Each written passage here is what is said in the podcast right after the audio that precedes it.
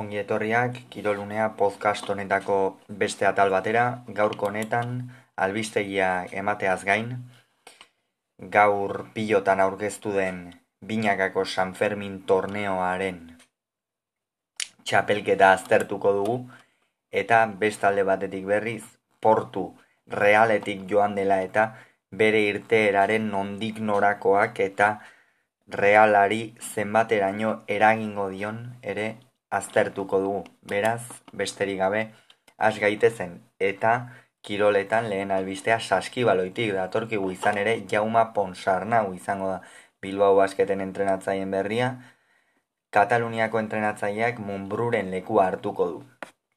Bestalde, aletikeko hauteskundei dagokienez futbolean, Jon Uriartek Carlos Abina jarriko duela baiestatu da gaur goizean, kontua da ordea kirol zuzendari mexikarrak polemika ugari zituela aurretikan, eta beraz, Jon Uriartek baztertu egin du Carlos Abina berak hauteskundeak irabazi ezkero aletikeko kirol zuzendari izatea. Bestalde, bai bai du iraia iturregi emakumezkoen taldearen entrenatzailea izango dela, eta beraz, kargua mantenduko duela. Hori esek gaurko albiste nagusiak eta orain bai guazen ba beno, San Fermin torneoaren inguruan hitz egitera. Izan ere gaur aurkeztu da binakako San Fermin torneoa. Gogoratuko dugu lauterdikoak da hilabete batzuk badara mazkiela martxan hasi zenetik baina binakakoa.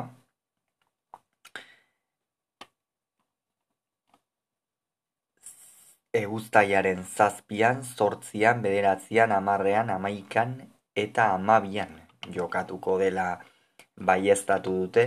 Eta sei bikote izango dira bertan bi multzotan banatuta. Geuk bikotez bikote aztertuko dugu eta azkenerako favoritotzat zein ematen dugun esango dugu. Beraz, has gaitezen. Eta lehenengo bikotea indarsuenetako bat da, jada oso indarsu hasten gara eta altunak eta rezustak osatuko dute. Ez da oso ikoa egia esan altunak eta rezustak txapelketa batean elkarrekin bikotea osatzea, esan daitekelako euren enpresako aurrelari eta atzelari onena direla, Eta beraz, beno, bikote sendoa osatuko dute, baina gakoa behinik behin jokin altuna, egongo da, ezta? Jokin altuna hilaren hogeita beheratzean bueltatzekoa da mungian, eta ez dakigu zein mailatan edo itzuliko den, noski badakigu sekulako maila duen pilotaria dela, baina demora gehitxo ez dote den geldirikan egon, noski, atxedena ongi etorriko zitzaion, baina inbesterainoko atxedena, beno, galdera ikurrugari daude, eta bikote hau bere uneko eunean noski, favoritotza daiteke. Kontua da, altunaren itzulera izango litzatekela, eta elitzatekela txabelgetaren erritmoan itzuliko, edo partiden erritmoan zuzenago hartuta, eta bestalde berriz rezustak bere egunak ditu, eta lenguan esate baterako Arrigorriagan ez genuen bere mailarik onenean ikusi beraz galdera ikurrugari sortzen dituen bikote hau. Bestalde irribarria eta zabaleta, beno, biak alabiak ez ditu unerik onenean harrapatzen txabelketa honek, kontua da bikote jotzaia dela eta edozein irabazteko gai den bikotea, ez da azken partida urrestian jokatu zuten pasaren ostiralean irribarriak eta zabaletak ezkurdia eta martijaren aurka. Egia da partida nahiko nahasia izan zela, azkenerako galdu egin zuten, baina maila ona erakutsi zuten eta batez ere Iker Irribarria ikusi genuen kolpez eta abar nahiko fresko eta baita aurrean tanto amaitzeko ere ezta. Lesio larri horretatikan intzuli zenetikan asko eskatzen zitzaion eta asko esaten zitzaion aurreko kuadro horietan ez zituela tantoak amaitzen, bada aurrekoan oso ongi ikusi genuen esan tantoak amaitzerako garaian eta konfiantza hartzen ari denaren e, seinale da hori ez da, buruz burukoan ez zuen apenas aukerarik izan jakaren aurka kalera joan zelako lehen partidan, baina orain badirudi binakako partida hauetan pixkanaka pixkanaka konfiantza hartzen ari denean, ba beno, udaran ere oso kontutan hartzeko pilotaria dela. Eta bestalde Jose Javier Zabal eta ba, zer esan ez da, atzelaririk onena, atzelaririk jotzaiena, gehienetan partida dominatuko duena, baina behar bada azken partidetan ez zote den bestetan baino pilota geixeago galtzenari, eta horrek ere zalantzak sortzen ditu bikote honengan, alere une honetan altuna eta rezusta baino favoritu xeago hartzen ditut irribarria eta zabaletan. Eta amultzoan amaitzeko urrutiko etxea eta imaz. Beno, hemen urrutiko etxea eta imaz zek pasaden urtean binagako txapelketa elkarrekin jokatu zuten, ez zuten maila txarra eman, baina ez zuten ez da ere maila alturikan eman. Kontua kontua zera bikote hau orain biak alabiak ongi daude, esan dezakegu, ongi daude. Mikel Urrutiko etxea esate baterako sekulako mailan eta sekulako konfidantzarekin harrapatuko du txapelketak, orain ere gainera lauterdiko partida hori jokatu behar du jaka eta peinaren aurka San Fermin torneoari dagokionez eta horretaz gain bizkaia torneoko finalean da, beraz, udara hanka onarekin hasi du Mikel Urrutiko etxeak. Eta bestaldean derrimaz, ba behar bada lengoan Mariezkurrenaren aurka bere mailatik bajuxeago ikusi genuen, eta kontutan hartuta arrezusta eta zabaleta izango dituela aurrean mm, bikote hau multzo honetako aulena ikusten dut eta ez dut uste aukerarik dutenik txapelketa irabazteko. Eta amultzoarekin amaituta, be multzoan beste hiru bikote izango dira, lehenengoa laso eta mari ezkurrena, nafarren artean ilusio ikeragarria sortzen duen bikotea lagun minak dira biak ala biak biei ere sekulako ilusioa egingo die ziur elkarrekin jokatzeak eta favorito nagusien artean sartu behar dira laso eta mari ezkurrena alde batetik unai laso noski buruz buruko txapelduna delako eta txapelduna jokatzen duen txapelketa jokatzen duela beti oso kontutan hartzeko pilotaria izan behar da, eta bestalde Jon Mari Ezkurrena sekulako mailan eta sekulako joan dabilen pilotaria. Horretaz gain, azkenengo hilabete hauetan erregulartasuna hartu duenean, ikusten ari gara askotan, bai zabaleta eta bai rezusta dominatzeko gai dela kolpean. Hori ere oso kontutan hartzekoa da, eta jada, lehen goi maiakoa baldin bazen orain goi goi maiako atzelaria dela. Esan dezakegu Jon Mari Ezkurrena ikera garrizko aurrera pena egin du azkenengo bi hiru hilabeteetan binakako txapelketa ez zuen ona egin jakarekin, baina orain lasorekin kontuz eta hautagai oso oso garbitzat hartu behar dira txapela irabazteko. Bestalde ezkurdia eta martija ba urrutira joan gabe orain bi urteko txapeldunak.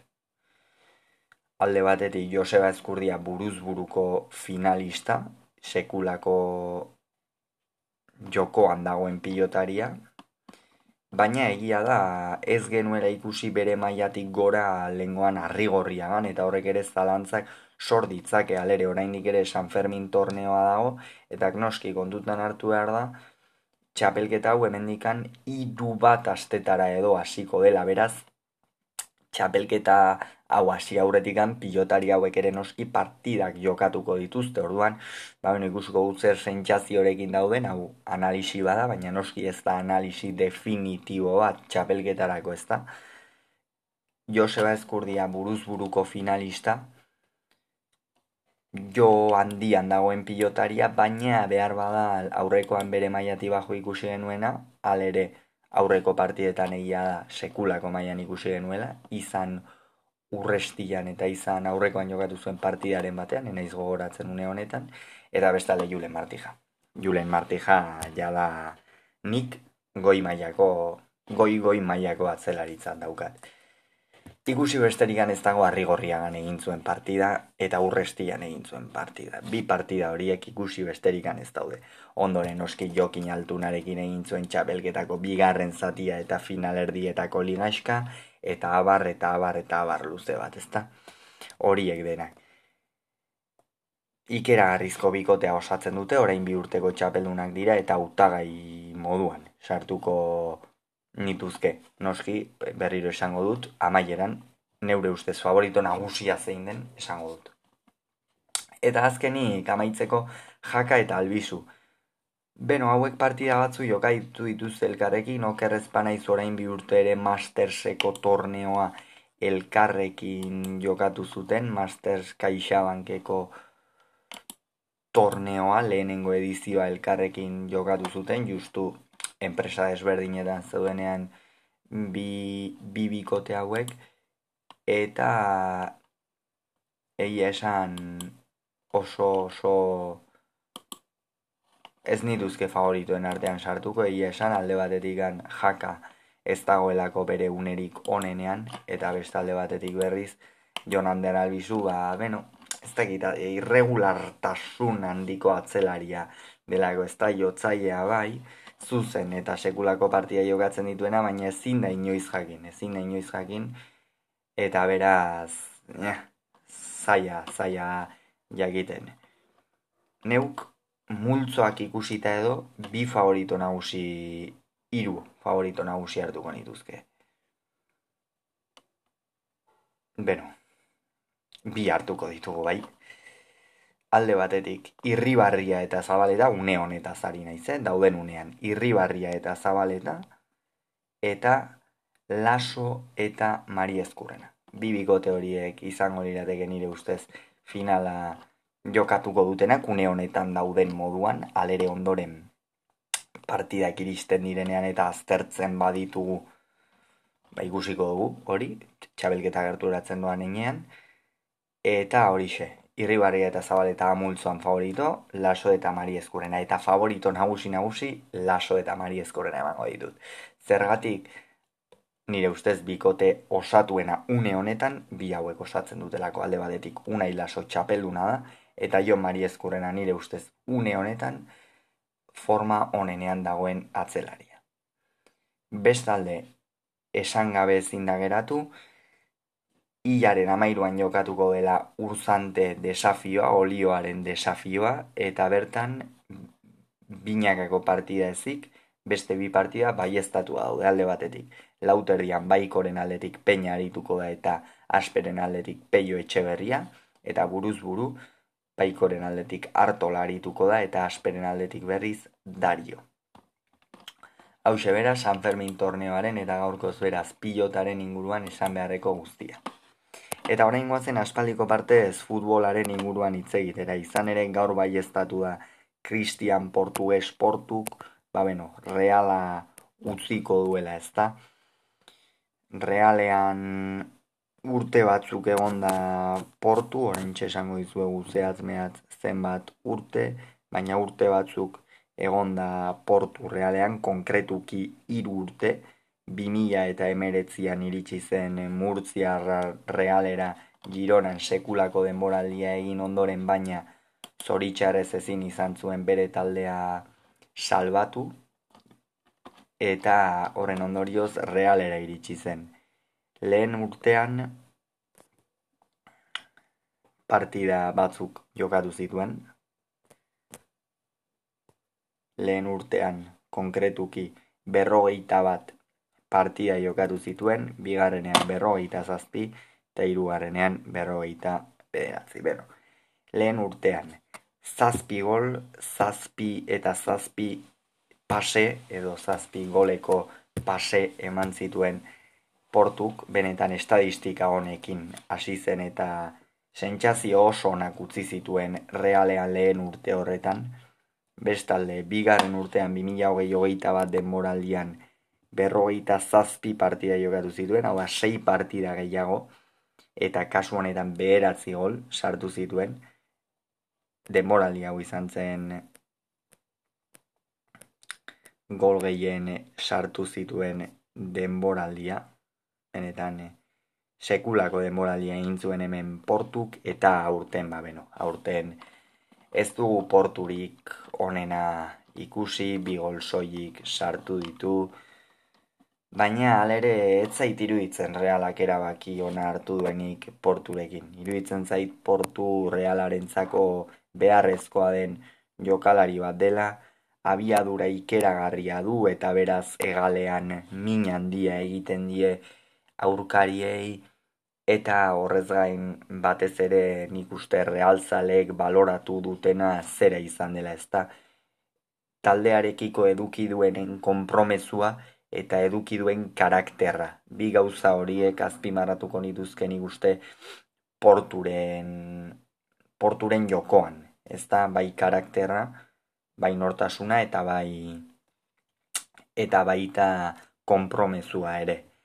Baloi guzti guztiak borrokatzen zituen inoiz etzion muzin egiten lanari, berdin zion aseratik atera edo bigarren zatian atera beti dena ematen zuen jokalaria eta kirolariak horrelakoa behar du beti dena ematen duena eta ba beno, naiz eta partida askotan eta urtengo denboraldia horren adibide edo isla garbi izan da ez du gona egin, portuk hori errealitate bat da, eta, ba, bueno, realak jetafera eraman du utzita, badirudi erosteko, erostera derrigortuta daudela Kike Sánchez Floresenak, alere hori baiestatu beharrekoa da oraindik ere, eta, ba, bueno, hori, hori gertatu da. Realak lengoan baiestatu zuen Mohamed Ali Txoren fitxaketa, eta orain portu joan da, nire ustez realak ez du erabaki ona hartu, baina, beno,